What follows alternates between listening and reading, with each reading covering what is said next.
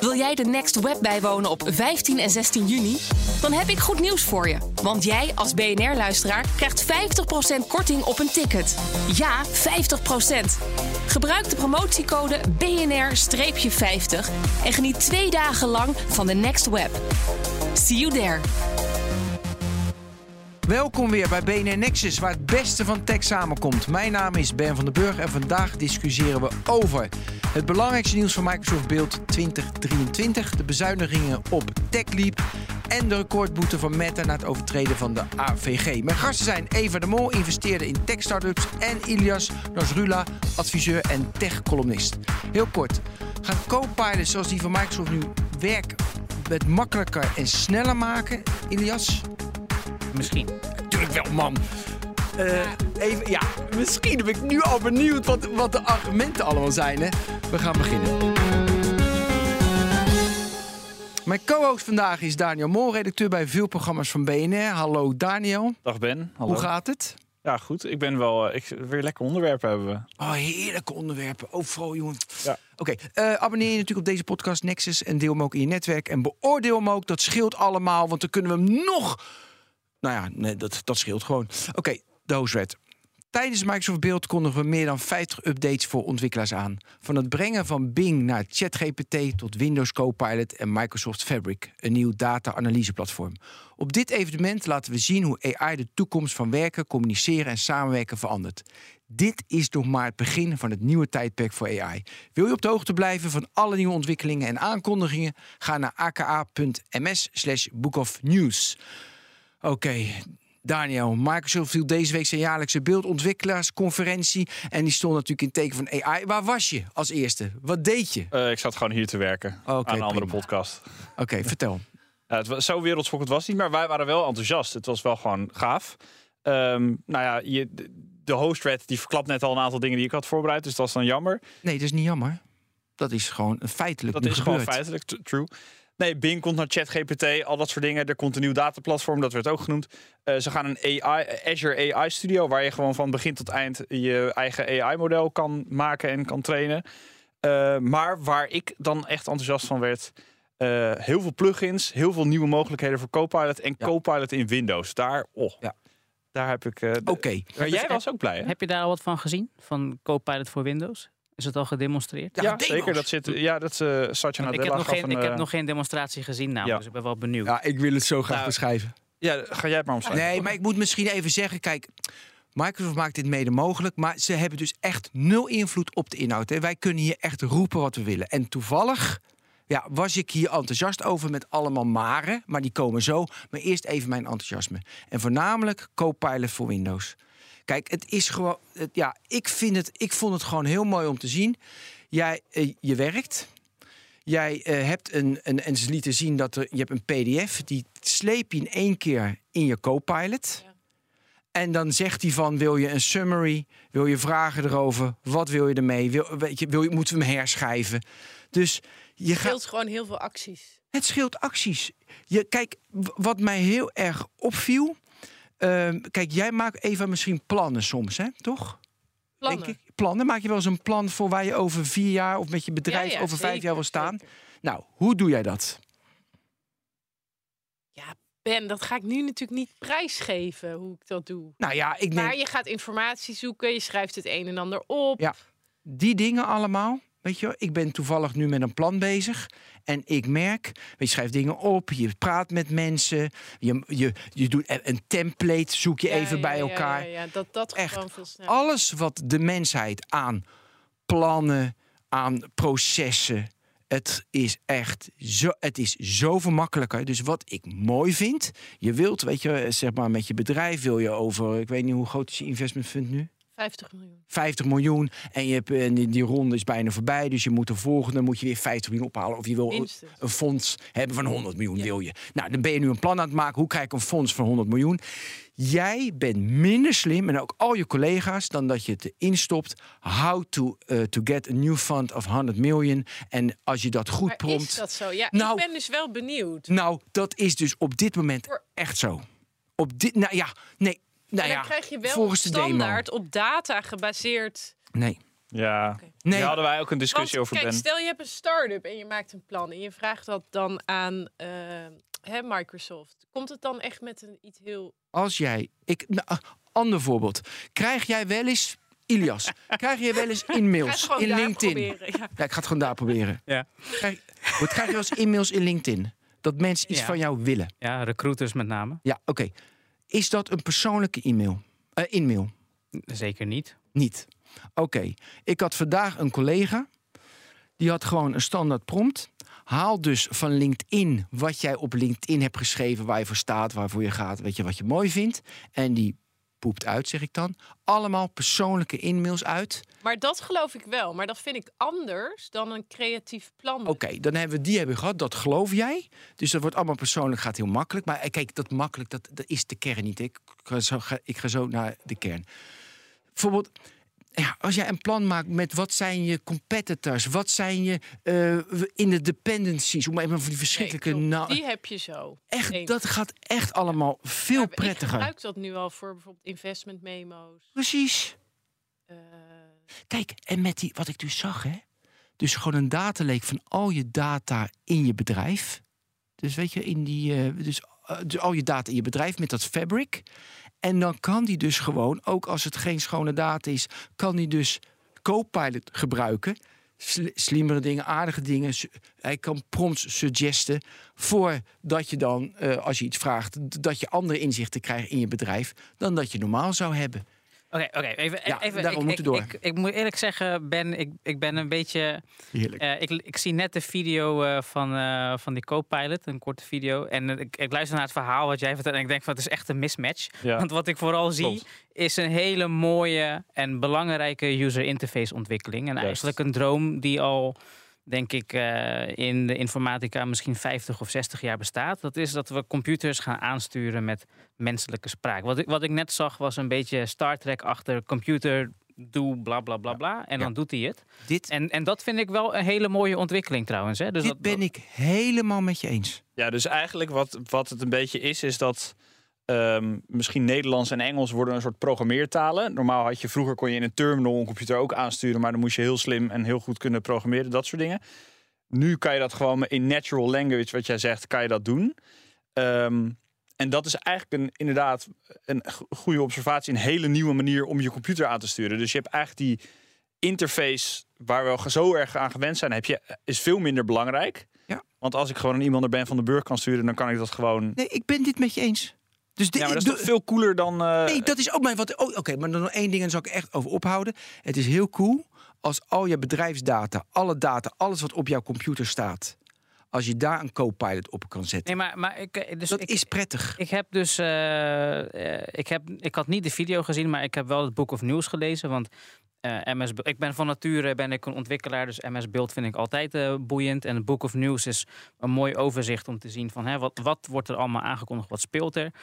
Er vielen me een aantal dingen op. Eh, en, laat ik eventjes met die specifieks beginnen. Dat is namelijk de Copilot voor Power BI. Ik zag dat staan en ik dacht, ja, ik, ik weet niet of dit gaat werken. En het, en het probleem is dat data. Ik weet hoe datasets in elkaar zitten. Vaak is, het, is het verschrikkelijk. Hè? De kolomnamen zijn verschrikkelijk. De betekenis die je aan een kolom geeft is, eh, Ja, is onduidelijk. Dus precies. En, en de vraag is, als je een co-pilot hebt voor Power BI en je gaat, je gaat gewoon een vraag stellen, waar komt de semantiek dan vandaan? Ik geloof namelijk niet dat eh, zeg maar, GPT wat erachter zit in staat is om de semantiek toe te voegen aan ja, gewoon rotzooi data die je hebt liggen. Dus als, dus als je gestructureerde data hebt en Ze goede beschrijvingen... letterlijk, zei, letterlijk zei Nadella ook unstructured data. Letterlijk zei hij dat. Dus ze beloven dat wel. En jij gelooft daar dus niks van. Ik- ja, ik weet dat niet, dat ik- moeten we zien. Ik, ja, ik vind het gewoon heel lastig om voor te stellen. Als het, eh, weet je, ik, een, het is zo'n zo'n typisch iets van soms werkt het misschien en heel vaak niet. Maar het zal wel werken voor alle casussen waar je gewoon je data gewoon netjes op orde hebt. Weet je wel? En, en dat, dat vind ik, ik vind dat in ieder geval interessant om te gaan Ja. kijken van hoe gaat dat werken. Dus wat me daar ook aan opviel van zeg maar eh, een co-pilot voor Power BI. eh, dat was wat de vraag die bij mij opkwam. Is het nou gericht op developers? Of is het nu echt gericht op eindgebruikers? Want MS Build associeer ik met eh, het is voor De developers. developers, ja. En, en als ik dan zie Copilot voor Power BI, denk ik, ja, maar eigenlijk wat je dan wil is dat een manager gaat, ergens gaat zitten en zeggen van ik wil een rapport. Eh, ik wil eh, deze data uitgezet tegen die data zien. Eh, go. Dat, dat is wat je eigenlijk doet als je een Copilot introduceert voor zoiets als Power BI. Dus ik, ik, ik ben een beetje verward nu van. Maar volgens mij zit Hoeveel- komt Copilot echt in bijna alles van al hun applicaties en al. je hebt dat Microsoft Fabric data platform. Volgens mij is het, is het de hele range. Waar, Ja, ja, maar die, die Copilot aankondigingen, hè, dus, de, dus de specifieke plugins, daarvan vraag ik me af van ja, hoor dat dan in, in MS Ja. Build thuis? Want dat lijkt mij, het lijkt mij op eindgebruikersgericht. Maar het kan, ik kan het mis hebben, hè, want ik moet Ja. die presentaties eventjes zien. Hoe ik het hoor, gaat het me sowieso tijd schelen. Juist. Tegelijkertijd zijn er natuurlijk ook wel weer heel veel mensen die, ehm, die bepaalde klussen dus niet meer hoeven te doen voor mij. Dat is toch ook fijn? Ja, voor mij wel, maar voor die mensen misschien minder. Ja, maar die kunnen dan hele mooie andere dingen doen voor jou. Die, Wellicht. Ja. ja, waarom heb je een investment analyst nodig als je zo'n programma hebt dat precies dat voor je doet? nou ja, en dat is precies het prettige. Dat we steeds meer wat een mens mens maken. Ik heb het hier vaak natuurlijk, heb ik dat verteld. Dat wordt steeds helderder en duidelijker. Dus ja, ik zie dat als voordeel. Dat, want kijk, het, nee, maar ik moet even. Ik maak heel vaak wat je heel veel ziet, de vergelijking met we gaan Moskou gaan we veroveren. Napoleon, die kon heel veel mensen kon die enthousiast maken. We gaan Moskou veroveren. En mensen, ja, ze geloofden, we gaan Moskou veroveren. Maar er werd niet goed nagedacht over welke jassen, welke wapens, wanneer ga je weg, eh, welke route. Hadden ze. We gaan naar Moskou. Dat ging natuurlijk helemaal fout. Ze kwamen vast te zitten in de sneeuw. En dat zie je bij heel veel mensen en bedrijven en business zie je dat ook. We- Weet je, we gaan jij wil 100 miljoen ophalen. Maar dan moet je nadenken van, oké, wat heb ik nodig allemaal om die 100 miljoen? Dat doe je misschien nog wel. Alles wat ik dacht altijd van, hey, een, een co-pilot, laat ik het even zo gaan noemen. Moskou moeten mensen zelf verzinnen. Eh, wat je mee moet nemen, kan, dan moesten we ook zelf verzinnen. Dat kan een co-pilot veel beter. Het plan wanneer we weggaan, hoe we te werk gaan, als we naar Moskou gaan, kan een co-pilot nu ook beter. Maar wat hij niet Ik geloof kan. dat niet. Nee, dat geloof ik echt niet. Nou, laten we Nu ook even. moeilijk hoor, Ben. Ja, laten we er even van uitgaan. Ja. Maar wat hij zeker niet kan, is op het moment, we zijn op pad met z'n allen. We zijn die weg naar die 100 miljoen het doen. We zijn op weg naar Moskou.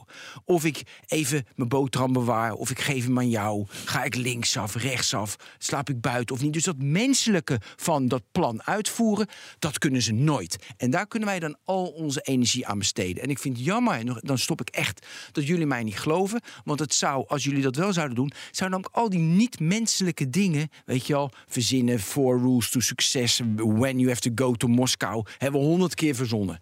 Nee, maar weet je waarom ik het niet geloof? Dat is de discussie die we hier in dit programma nu verschillende keren hebben gehad. Dat Ja. is dat als je eh, large language models, hè, die technologie gaat gebruiken voor, laten we zeggen, mission critical eh, zaken, daar is het gewoon niet geschikt voor. Omdat het geen, geen eh, het is niet gebaseerd op feitelijkheid, het is gebaseerd op patronen die in tekst gevonden nuance. worden. En, als je, en, en, en wat co-pilots zijn, is in principe gewoon een large language model die eh, toegespitst is om een stukje software aan te kunnen sturen.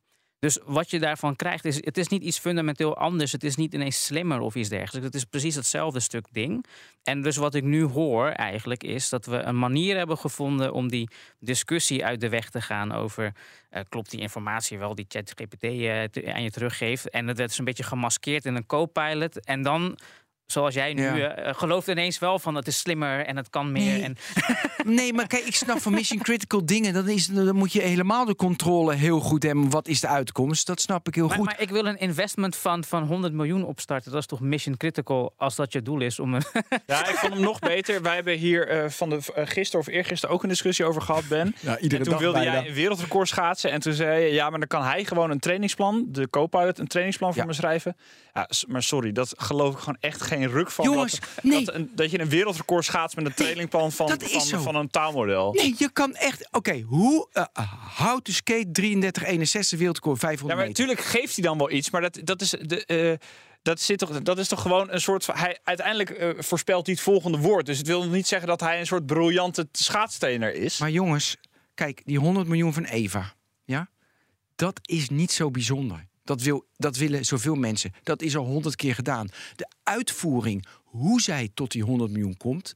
De uitvoering, hoe zij iemand in de ogen kijkt. Investeer ik daarin of niet? Dat is niet te doen. Maar alle basis, dat zijn basisstappen. Dat is allemaal een keer. Het geld is al een keer opgehaald. Het geld uitgegeven is al een keer, eh, eh, is een keer gegaan. De criteria waarop zij investeert, jongen, er zijn allemaal proefschriften over geschreven. Is allemaal al gedaan. Maar het menselijke eigenschap, dat is niet gedaan. Dus dat die Appeltje proefschriften. eitje, jongens. 100 miljoen. Is gewoon... Ja, nee, ja, ja, dan niet. Oké, maar we moeten. Ik wil ook- nog één ding eigenlijk eh, hè? bespreken. Of gaan we door? Ja, Nee, precies. Heel Apple goed. Moeten we echt over hebben. We hebben dus nu eh, de situatie, Ilias legt het net goed uit. We hebben de situatie dat je voor het eerst met natural language je computer kan aansturen. Je Windows computer. Er is ook nog een ander bedrijf dat vrij goed eh, OS'jes maakt. Eh, Ja, Apple. Apple. Ik heb een Apple. Ehm, die doen, eh, zover we weten, nog niks met AI.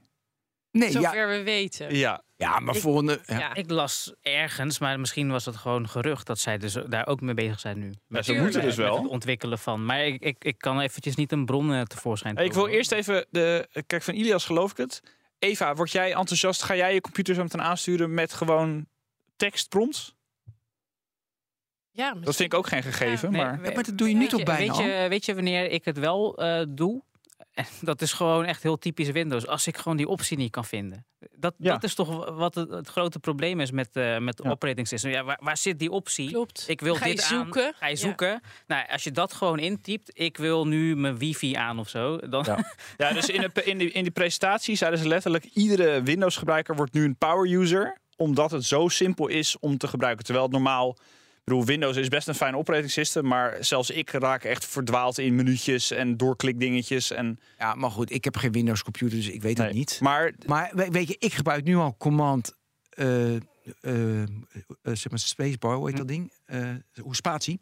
Want dan kan ik heel snel Safari opstarten of heel snel Spotify opstarten. ja, maar dat is een hotkey. Dat is wat anders. Oké, maar ik verwacht dan dat ik daar dan in kan tikken. eh, geef me een samenvatting van mijn eh to-know Maar je vindt het, om het- dit item even af te sluiten... je vindt het dus wel echt een soort van kritieke feature... in de toekomst voor een OS. Ja, kri- ja, pff, is Ja? kritiek. En ik ben bang dat Apple, wat voor tot nu toe, ja, ontbeert het toch daarin. Ja, ik zie niks. En ik, ik denk dat dat lastig is. Nee, zal, zal ik even gewoon eens een keer iets heel positiefs zeggen over large language models? Waar, waar ik denk dat dit het verschil Nou, dan kan moeten we wel, dit moeten Ja, we allemaal is- iets is- groter maken, dit is jongens. een- dit is een uniek moment- moment in de geschiedenis, in de geschiedenis van Nexus, Ilias. Als- waar, waar er echt een kans is om een verschil te maken met deze technologie, is als we het hebben over de digitale kloof. En mensen die het moeilijk vinden om met computers en dergelijke om te gaan, die nu in natuurlijke taal hun computer een opdracht kunnen geven en het kunnen uitvoeren. Ah, En het gaat niet perfect werken, hè? maar het, gaat, het zal wel beter zijn dan hetgene wat we nu hebben. Dus daar, daar denk ik van, nou, dus dat is al. zelfs is al mensen mooi. die niet handig zijn met een computer, die 100 miljoen willen ophalen, Ja. die kunnen straks gewoon zeggen: ehm, Ik wil een fonds van 100 miljoen. Nee, dat moet je. Nee, ja, En voor ineens, voor Nee, iedereen klotst het geld Dat gewoon je bent echt heel flauw. Ja, wat. Nee, maar. Nou, heel. oh, jeetje. Oké, Mag twee. ik, mag, ik, mag ik nog even één joh. korte opmerking maken hierover? Want ik zat dus dat Book of News te lezen. En eh, de, de gedachte die in mij opkwam is van hoezeer de term AI weer is veranderd. Hè, vroeger, toen ik studeerde, ik heb, eh, ik heb kennistechnologie gestudeerd. Dat noemen we nu AI. Eh, eh, en nu als we het over AI hadden recent, dan ging het echt over deep learning en, en alle toepassingen daarvan. En nu, als je die, dat Book of News leest, dan gaat het eigenlijk over computers die mensen proberen na te doen. Dus eh, cognitieve functies Ja. proberen te simuleren. En, en dus je, je ziet dat die definitie van AI, zoals Microsoft hem gebruikt, dat die heel erg ehm, overeenkomt met hoe sci-fi het waarschijnlijk ziet. Eh, en nou, ik, ik, vond ik vond het gewoon een interessante, Nee, dat klopt, inter- Ilias. interessante observatie. de term van, is echt verschrikkelijk. Overal wordt het voor gebruikt en de nuances zitten. Daar ben ik helemaal mee. Maar Ja, ja. co-pilot vind ik wel echt Copilot denk ik een is een van betere de term. beste termen ooit die we in de laatste jaren hebben verzonnen. Meta, de megaboete. Deze week hoogste boete ooit. AVG overtreden. Ja, we hebben het over 1,2 miljard. Eh, dat is inderdaad een record. Ehm, het probleem zit hem voor Europa in het feit dat Meta data van Europese gebruikers in Amerika opslaat. Dat eh, is verboden voor de AVG en dat, eh, dat hebben ze eigenlijk lak aan bij, eh, bij Meta. Best Ehm, bizar eigenlijk. echt bizar, ja, Wat? zeker. Ja, dat ze nou beide, die boete, maar ook dat ze daar zo lang dus lak aan hebben. Dat betekent toch uiteindelijk dat het je gewoon eigenlijk niet interesseert. Ja. Maar ze gaan in beroep en ze zeggen ook, Nick Clegg heeft ook gezegd, er komt een veilige manier van gegevensoverdracht. We gaan dit fixen. In de zomer is dit geregeld. Maar dat Nee, maar- geloof ik dus Ja, maar dan moeten we even heel duidelijk hebben. We hadden gisteren natuurlijk Menno in BNR Digitaal. Ja, Menno Wij. in BNR. Ja, Menno, en die vertelde natuurlijk van omdat die overeenkomst met Europa-Amerika er niet is, weet je, Ja. komt die data in Amerika te staan en daar is die boete voor. Maar, de- maar, maar hoe is dat dan deze zomer gefixt? Nee, het is niet Dat- deze Nee. zomer. Nee. Nee, dat Nee, dat maar dat dat kunnen ze nooit uit elkaar trekken. Nee, maar dat komt ook doordat eh, de discussie waar het over gaat, dat heet de EU-US Privacy Shield. Hè? Dat is Ja. een soort van framework-overeenkomst. Die is volgens mij een paar jaar geleden al een keer uit elkaar gevallen. Omdat die niet voldeed aan de AVG. En toen hebben een aantal van die big tech bedrijven gepusht om, om dat te verbeteren. Maar eigenlijk voldoet dat, dat hele, die hele voorziening nog steeds niet. Want de kern ervan is, is dat data die in Europa opgeslagen is, die is volgens de AVG beschermd. En data die niet in Europa opgeslagen is, is dat niet. En dat is de, eh, zeg maar de essentie, van ja. het probleem. En wat ik ook wel En- heel interessant vind, wat doet Meta dan daar met die data? Nou, de angst is dus dat dat eh, uiteindelijk eh, dat ze dat sowieso gebruiken voor advertenties, volgens mij. Ja. Eh, en uiteindelijk dat is de angst ook dat het in de, de handen komt van de Amerikaanse overheid. Wat Dat, helemaal dat niet is de angst, ja. Ja. Maar we weten natuurlijk dat ze het gebruiken Ja. om je advertenties te optimaliseren voor alle gebruikers. Ja, Ja. er Toch? helemaal gek van. Ja, ja, ja. Maar ja, goed, ook alle antiterrorisme-wetgeving die er in Amerika is, geeft ze in principe gewoon toegang tot, eh, tot een hele hoop data. Ja. Dat, is, dat is een van de redenen ook waarom toen die AVG is opgezet. Hè. Dus Ja. dat, het is een beetje gek om nu te redeneren dat, eh, dat de AVG was een oplossing voor dit probleem. En om te zeggen van nu gaan we een, pro- een oplossing zoeken voor de AVG, dat is een beetje hoe, hoe Meta het benadert. Maar dat slaat eigenlijk nergens op. Het is, het is een perspectiefprobleem, zeg maar. Maar de- is hier een uitweg uit? Want eh, de, de crux Ik is een zie beetje... namelijk nu ook niet. Nee, Daarom van, ben ik zo wij, wij hopeloos. willen, wij willen eh, meta-diensten, of misschien niet wij, maar eh, Wel. Europeanen willen ik meta-diensten vind gebruiken. Facebook hartstikke leuk. Echt nog steeds? Joh, mijn Tesla-groep is geweldig. Ik zit in gewoon een Tesla-groep. Nou, nee, maar je, bedoel, je gebruikt Instagram of WhatsApp? heb ik of- gebruikt. wel, Instagram fair vind ik niet zo leuk. Maar goed, wij willen die diensten gebruiken. Zijn Zij hebben, een bepaald, leeftijd dingetje, denk ik. eh, zij, zij hebben een bepaald verdienmodel. Dat, dat is eigenlijk is dat gewoon een soort botsing waar we misschien helemaal niet uit gaan komen. Hey, en al, ja, als het gewoon betalen en dan door. Eh, betalen dan door. Even, De boete nou, betalen. Ja, Ja, dat- nee, dat- daarom. dat de is boete de zo situatie, door. denk en ik. ze gaan in hoger beroep en dan gaat het weer door en dan, en dan wordt het moeilijk. Maar dat kan natuurlijk niet. Maar ik, ik dacht dat je met betalen, want dat had Ben Thomas had gezegd, moeten we nu moeten niet gewoon een subscription model, moet Facebook niet een subscription model in Europa gaan hanteren? Dus dan zat ik even te kijken, want dat is misschien wel aardig. Kijk, zij hebben daily, even monthly. Ze hebben monthly active users in de EU, dus niet de landen in Niet de EU. Europa. Niet Europa, maar in de EU. En daar gaat het over. 245 miljoen is dat. En Hoe- hoeveel daarvan zitten bij jou in de groep?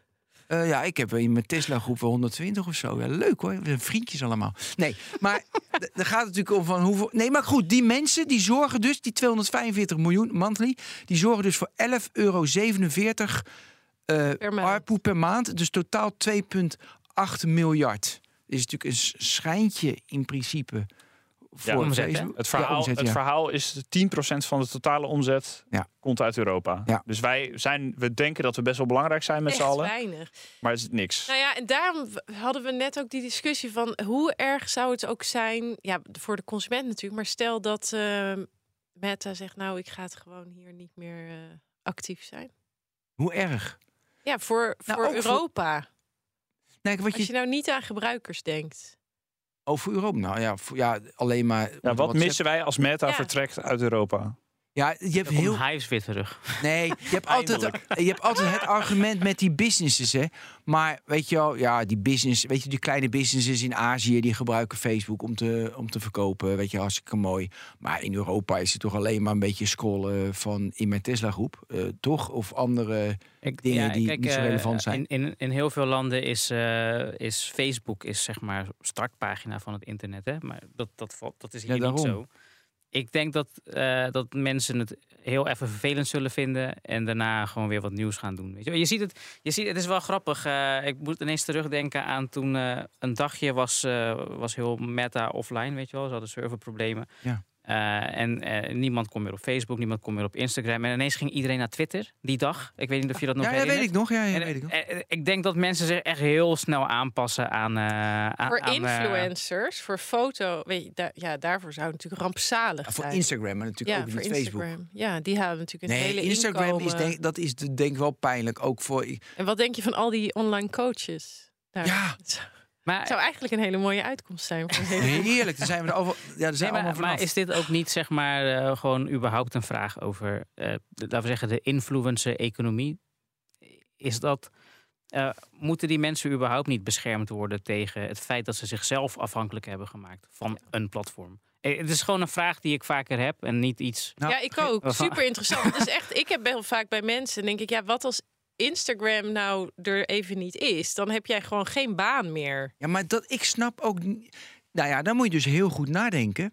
Waar ga je je business opbouwen? En je, je kan natuurlijk wel denken van... hé, hey, ik begin voor het bereik... begin ik gewoon een YouTube-kanaal. Je begint een, een Instagram-kanaal om bereik te krijgen. En dan hoop je uiteindelijk... moet je het naar je eigen kanaal. Want ja, het algoritme wordt veranderd en je ligt eruit. Uiteindelijk moet je een website hebben of zoiets. Uiteindelijk moet je je eigen omgeving hebben waarbij je dat. Maar dat kan dat dus alleen maar als je heel groot bent. Nee, dat kan natuurlijk alleen maar als je heel groot bent. Dus dat doet niemand. Maar dat dus die influencers niet snappen. Ik pak nu 3,5, 4 ton. Weet je, ik doe maar wat. En Lekker dan baantje. Hm? Lekker baantje. ja, een beetje eh, en, en een beetje video's maken. Ha, ha, ha, ha. Maar goed, je bent afhankelijk van zo'n platform. En die zijn niet super betrouwbaar. Want inderdaad, het algoritme kan worden veranderd. En dan ben je de pineut. Maar moeten we nou echt medelijden hebben met influencers? Nee, nee, maar ik heb, ik, heb, nee, ik heb geen medelijden met de influencer die drie ton binnenhaalt. Ik heb wel medelijden met de influencer die zeg maar net rondkomt. En die heb Ja, je maar ook. Die, en, moet, en, maar die en, moet naar de psycholoog. En, en, eh, en je hebt ook, eh, nou, ik, ik- dat weet ik Ja, niet. tuurlijk hè. je hebt anders mensen met allerlei doen. interesses. Maar wat je ook hebt, is natuurlijk gewoon die hele support-economie die eronder zit. Hè. Dus eh, YouTube. Eh, je hebt gewoon video-editors en dergelijke mensen die werken voor die influencers om het allemaal online te krijgen. Dat, dat, dus dat, daar, je hebt daar gewoon een heel nee, moet je ook ecosysteempje. Ik zei naar een psycholoog, sorry dat is misschien te bond, want als iemand twintig is en die vindt dat leuk, dat is een onderdeel van zijn leven, gaat hij dat toch lekker doen en, en dan mislukt het. En dan Nou, voor de creatieve industrie is dat, industrie, is dat prima, joh. van waarde. Alleen het is natuurlijk niet echt. En sommige, weet je, van die hele piramide, één of twee, die breken door. Die, die, ja, ik ken al die namen niet, maar die zijn dan ineens groot en dan verdienen ze die 3,5, 4 ton. Nou, hartstikke leuk. En dan doe je het ook weer tien jaar en dan zijn ze ook weer weg. Ja, En, en als we het nou, zeg maar, als we, het, we economie. praten over de waarde van Meta voor Ja. Europa. eh, Heeft bijvoorbeeld zoiets als Facebook, mensen die eigenlijk verder niet, zo met, eh, niet zoveel met de overheid hebben. Ik denk dat de overheid hun wel kan bereiken via zoiets als Facebook. Hoe triest dat ook is, want het is jammer dat we dat nodig hebben. ja dat is een punt. Maar dat is dat, eh, daar speelt Meta misschien ook nog wel een belangrijke rol. Klopt, het bereiken van een bepaalde Ja. groep mensen. Jongeren op Instagram, ik kan me voorstellen Ja. bijvoorbeeld met eh, Goeie. vaccinatiecampagnes destijds. Goeie. En laten we niet vergeten, kijk, wij kunnen ons dat niet voorstellen, maar er is ook een hele grote groep mensen die gewoon niet het nieuws kijkt of leest. En vooral op een Facebook of Instagram. Nou, dan is het dus een uitkomst als het weg is. Dan gaan ze Dus die cijfers in. Amerika zijn hoog. Hè? Dat mensen hun nieuwsbron is echt hun Facebook. Vreselijk. Vre- Dat vind ik Ja, en zo dan Europa dus in het algoritme vast Ja. wat Dat is- vervelend is. Dus dat Ja, is link, ja. Hey, maar dus even een grotere me metavraag is natuurlijk van Europa. Weet je, blijft dus achter. Weet je, ik, ik ben echt gewoon boos. Weet je dat ik nog steeds geen Bart heb? Dat vind ik echt onwijs vervelend, Google Bart. Oh ik ja, kan dat de- je- wat je bedoelt te zeggen, wij hebben hier strenge regels. Daar Ja. is niet alles direct mogelijk in Europa. Gaat Meta misschien weg Misschien uit Europa? weg. Dan, he- weet je, door onze strenge regels krijgen wij steeds. En dat is wel leuk, hè? Want een beetje over, even over die AI-act, waar het natuurlijk allemaal over gaat. Dat staat letterlijk in de AI: ik moet de innovatie en de economie stimuleren. Ja, hallo zeg. Bart mag niet. Straks gaat Facebook weg. OpenAI, Sam Altman heeft volgens mij gisteren of vandaag gezegd Ja, ja. eh, dat ze overwegen, Overwegen. te vertrekken als de regels te streng worden. Dat is natuurlijk een soort dreigement. Is dat niet heel interessant, hè? Dat hij zo'n heel drama maakt, die Sam Altman, van we moeten wetgeving en je moet ons aan banden leggen. Word je aan banden gelegd? Nee, dan gaan we weg en dan komen Ja, we niet. Tuurlijk, tuurlijk. Maar dat gelooft er sowieso al niemand, Kijk, toch? Het, het punt is dat, denk ik, E- de EU AI Act is een goede wetgeving om. En, en hoe je dat kan zien is doordat die bedrijven daar heel erg bang van worden en weg van willen rennen. Maar ja? Nee, Maar ik snap wel wat je bedoelt, wat, wat is de visie van Europa op dit soort ja, Nou, de visie is heel helder. Nee, de visie is denk ik superhelder. Die AI-act die zegt, mensen zijn belangrijker dan jouw diensten. En, en daar heb je dan gewoon mee te doen. Je mag innoveren binnen Nou. de grenzen die er zijn aangegeven. Nou, ik vind het interessant, een interessante vraag voor Eva misschien. Want jij bent tech-investeerder. Jij, hebt misschien, jij investeert misschien in bedrijven die bouwen op iets als iets, een product van OpenAI, op eh, Google-producten, op Meta-producten. Ik kan me voorstellen, als dat allemaal straks niet meer mag, dan heb jij, Tuurlijk. heb jij het ook Zo moeilijker. denk ik, nou ja, als Europa denk ik dan dat je het zeker moeilijker hebt, omdat eh, de US en nou eigenlijk de, alles buiten Europa dan in die zin een competitive advantage heeft, omdat zij wel die bepaalde technologie mogen gebruiken. Ja. Dus dat vind ik er heel moeilijk aan. Nee, maar die, die EU AI Act, daar wordt heel weinig in verboden. Maar er wordt gewoon heel, van heel veel gevraagd dat je het op een verantwoorde Ja. manier doet. Nee, oké. En, en nee, maar, nee, maar kijk, het is bijna de discussie als.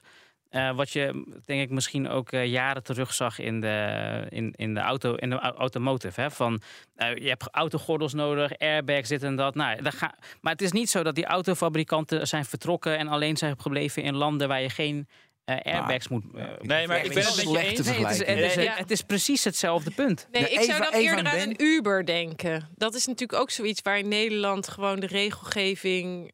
Ja, Nee, maar een auto bouwen in Europa is aan meer regels gebonden dan een auto bouwen in Zuid-Amerika. Is nu nog steeds zo. Maar dus hè, een BMW die je in Europa koopt en je koopt diezelfde in Zuid-Amerika, dan is die hier veiliger. Maar ze zijn niet gestopt om hem hier te maken omdat het hier veiliger is. Dus, dus dat hele argument van de tech-industrie van oh, hier moeten we aan regels voldoen en daar niet. Ik, ik, dat- St- Nee, je, hebt, je hebt gelijk wat je zegt. En dit, dit is een effect wat je overal ziet. Je hebt nu de crypto-industrie, krijg je MiCAR, dat is een regel, regels voor cryptobedrijven. Het idee is dat zelfs in Amerika die bedrijven dat gaan overnemen, dat wij hier gewoon voorop lopen met regelgeving. Alleen, eh, wa- waar we het nu over hebben, stel je voor Meta trekt wel, eh, besluit wel, OpenAI beter voorbeeld, die zegt, nou, wij hebben geen zin om hier aan die AI-regels te voldoen, we stoppen ermee. Dan is het, kan ik me begrijpen, voor, kijk, voor jou als columnist boeit het natuurlijk niet. Maar voor Eva als tech-investeerder misschien wel. Dat vind, Nee, dat vind ik heel veel. Want ze bouwen inderdaad op de shoulders van giants, denk ik, jou, de bedrijven. Noem eens één die bij je investeert, die echt gewoon Google of Facebook eh, of Meta of Bij ieder, Apple. bijna zijn alle alle bed- bedrijven alles, precies. eh, hebben met een data AI component. Dus dan ben je gewoon de pineut als die regels dus te streng worden. Nou, er Nee, dat zijn ook dus- bedrijven die nu echt aan het flippen zijn van eh, Nederland naar een eh, Amerikaanse entiteit. Wow. Ja, maar dat is voor ons natuurlijk helemaal niet. Nee, eh, maar het is wel fijn. interessant. Heb je daar een, een concreet voorbeeld voor? Ja, nou dat kan ik hier niet disclosen, maar dat gebeurt wel, ja. Om zodat ze geen last hebben van de Nou ja, Europese kijk, wetgeving. een heleboel. eh, nou ja, We hebben nieuws een keer in Nexus. Nee, ook als je kijkt naar veel Amerikaanse klanten van bepaalde bedrijven, die werken in die zin dan liever met een Amerikaanse entiteit die niet aan bepaalde Ja. regelgeving eh, hoeft te voldoen, dan een Nederlands bedrijf dat eh, hier daar wel mee te doen. Maar ja, het zal ze nog rauw op hun dak vallen. Want eh, in Amerika is er, komt er een AI Bill of Rights. Daar wordt aan Ja. gewerkt. Er komt zoveel aan en je gaat er niet meer aan ontkomen. Dus- Tuurlijk, maar dus- ik denk dus dat het verschil is tussen regelgeving en regelgeving. En, En regelgeving. Ja, Ja. Maar, maar ook in Amerika gaat het echt aan banden gelegd worden. En het is, het is korte termijn dat je daar eventjes denkt... vrijheid, blijheid, cowboy. Maar het- Ik wil, Eh, ja, ik, nog het laatste. Ik ben het met je Ik- eens dat die regels redelijk zijn. En eh, in Europa, ik ben fan van Europa om ik te zijn. Eh, en eh, wij lopen gewoon voorop met regelgeving. Dat is eigenlijk altijd goed. Alleen het probleem is, als Sam Altman geen zin heeft om zich te conformeren aan die Europese regeltjes, hoe redelijk die ook zijn, en hoe dat misschien in Amerika gaat veranderen. In Amerika gaat hij niet weg. Dus dan, dat is meer van ja, wanneer misschien wordt gaat hij naar zo Mars met? Elon Musk. ja, nee, nee, precies. Maar- nee, even serieus. Ik vind het een goed betoog. Het gevaar eh, dat, dat ze gewoon zeggen: hey, joh, laat Europa maar zitten, dat vind ik wel reëel. Ook al zijn onze regels gewoon redelijk. Laat ik Nou dat ja, erbij en zeggen. daarom vroeg ik ook van wat voor, voor Meta, wat is Europa? Die 10% Nou ja, voor OpenAI zal het eenzelfde fractie zijn. Eh, ja, ik denk dat je wel echt die dialoog aan moet blijven gaan. Want Ja. Nou ja, we- Ma- kijk- ma- mag ik jou één Ja, slotvraag ja, stellen? ga je gang. En de slotvraag is dit. Dus weet je, met de AI-act en de regelgeving stellen wij in Europa de mens boven de economische en innovatieve groei. Ik, ik zou zeggen, dus de, dat de, betwijfelen. de, ik zou zeggen de, eh, menselijke waarden die Menselijke moet waarden, je, beter moeten gewoon gerespecteerd worden. Precies, dus dat binnen stellen- ja, daar, dat we. Ja. boven de economie, de economie, weet je, de menselijke waarden vinden we belangrijker. Geloof jij dat? Dat is mijn vraag.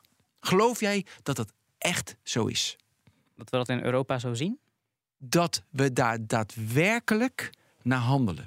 Daadwerkelijk dat we uiteindelijk, stel je voor dat de economische groei min 3% wordt in Europa. En omdat wij de menselijke waarden hoog stellen. En in Amerika is de, is de groei 3%, dus een verschil van 6. Dus wij gaan, we raken aan de bedelstaf.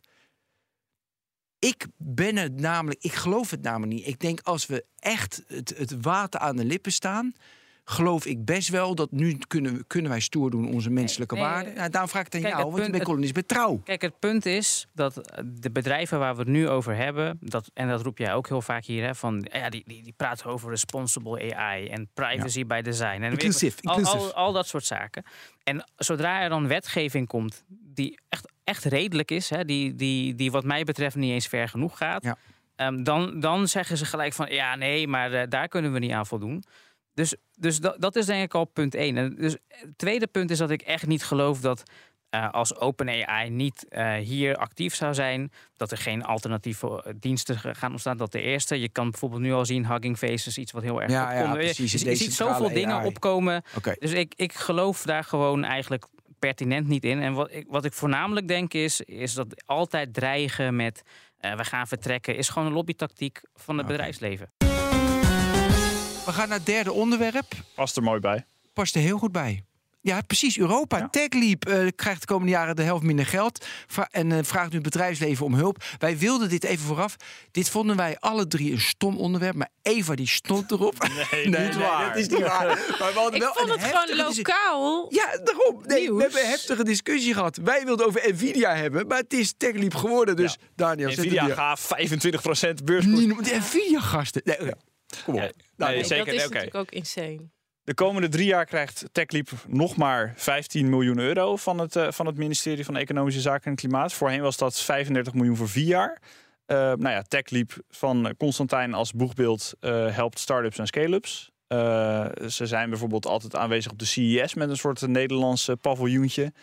En nu hebben ze dus een campagne gestart, want het ministerie heeft gezegd: jongens, ga maar naar het bedrijfsleven om dat geld op te halen. Ja, ik vind het dus Eva. wat jij zegt wel echt, dat is echt te kort door de bocht. Van hij organiseert dan iets in een paviljoentje. En dat is misschien de beeldvorming die er is.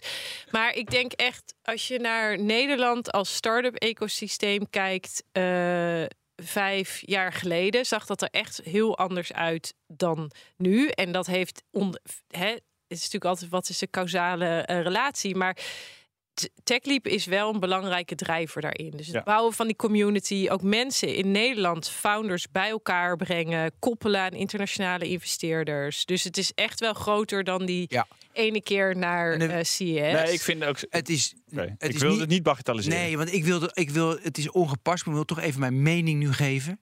Weet je, ik vind echt, als je, weet je, 35 miljoen voor vier jaar, Waar hebben we het over? Daarom, Jongens, en dat is ook meer... een miljard in. Maar weet dat je, vind ik meer ook daarom. Ik vind is het meer een signaal. dit, het is, ik vind het meer signaal van eh, EZK.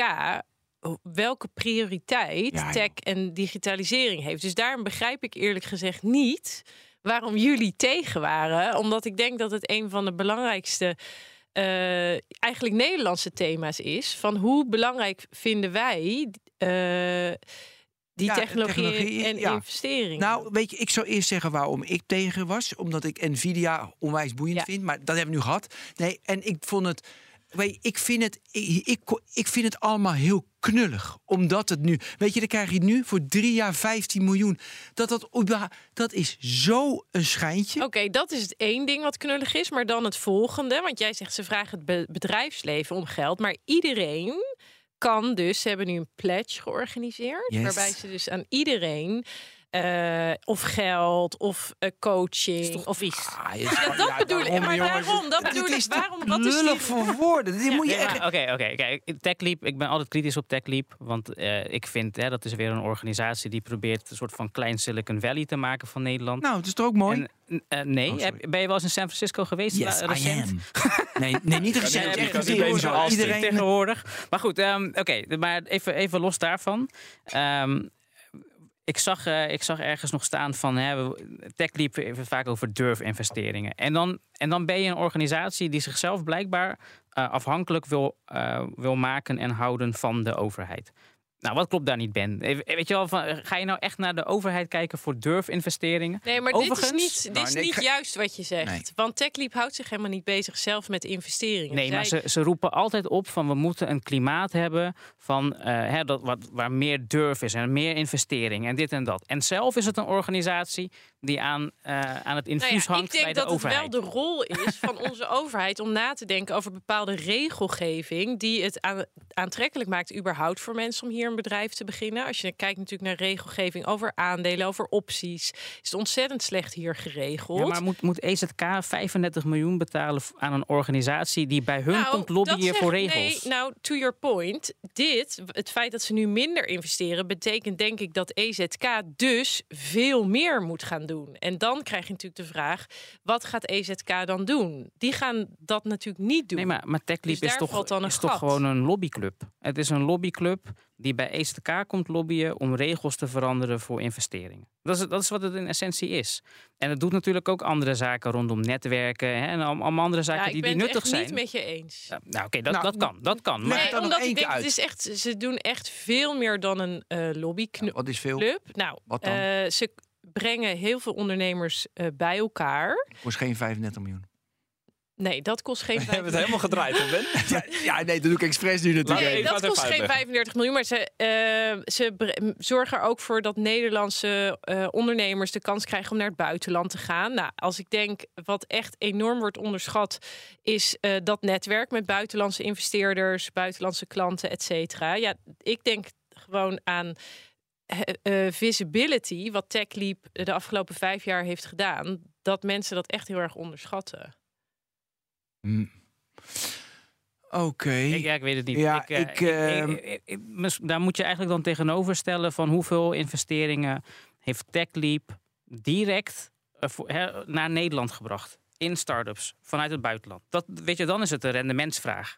En dan moet je gewoon kunnen Willy. zeggen, nou, we hebben, hè, we hebben de, Moeilijk, stoppen hoor. er 35 miljoen in Mm, dat en moet dan je komt niet- 100 nee, miljoen naar dat moet je niet willen. Je moet geen rendementsvraag. Nee, nee, maar Met dit soort dingen is het meer, weet je, dat is ook met fundamenteel onderzoek. Daarom vind ik wel fijn dat TechLeap nu meer gaat richten, als ik het goed heb gelezen, in deep tech. Toch? Gaan ze meer, ja, dat klopt. Dat vind ik mooi. Weet je, we hebben veel meer gewoon. Kijk, naar mij, kijk, je hebt altijd in, eh, kom ik weer, maar incrementele innovaties, veranderingen en disruptieve. En er moet gewoon iets zijn dat je geld tegen de balk flikkert. Er komt niks uit, dat weet je van tevoren.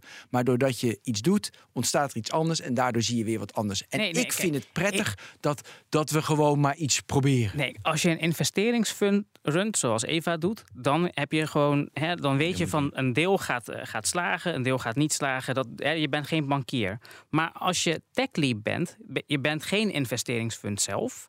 Dus dan kan je gewoon de vraag stellen: als het jouw doel is als organisatie om te koppelen aan, Ja, aan de investeerders, et cetera, dan moet je toch gewoon kunnen zeggen: Nou, kijk, dit is wat we doen, dit is wat eruit komt.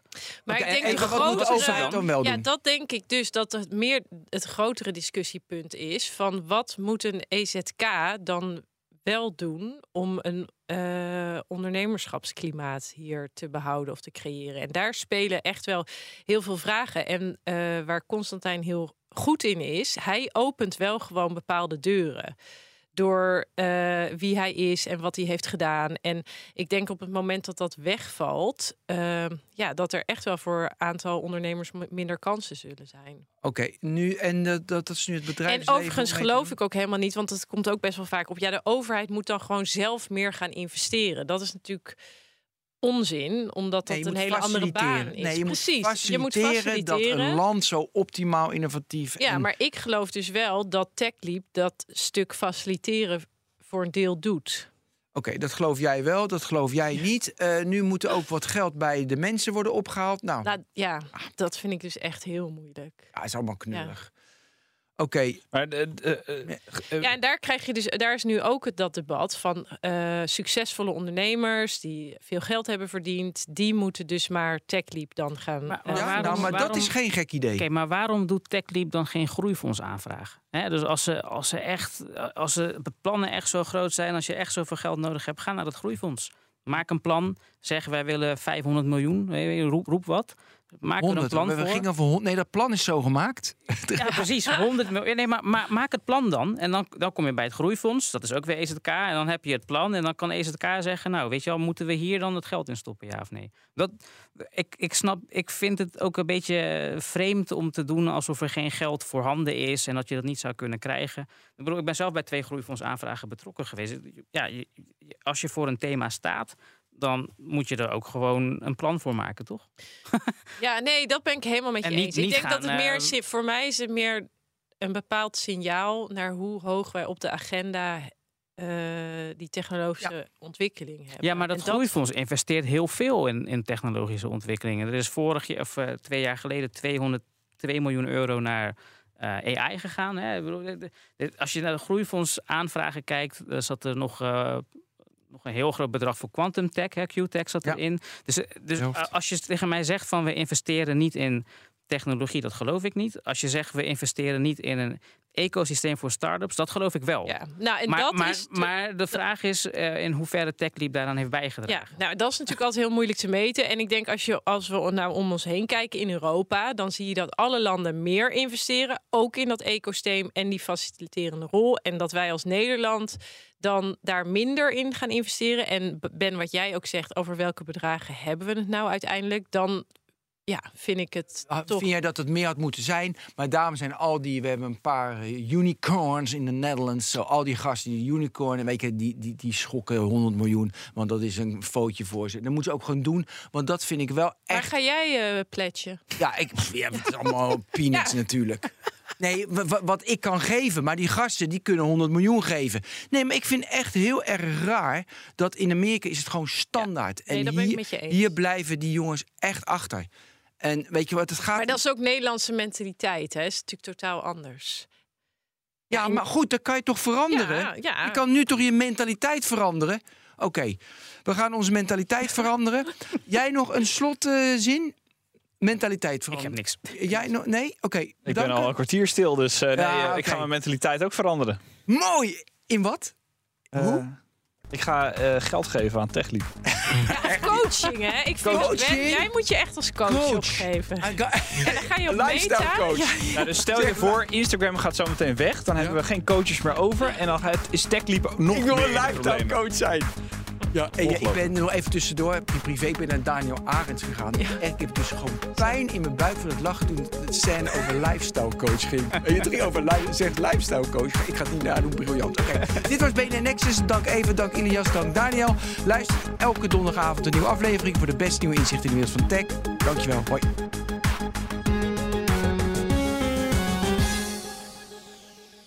BNR Nexus wordt mede mogelijk gemaakt door Microsoft. Empower every person and every organization on the planet to achieve more.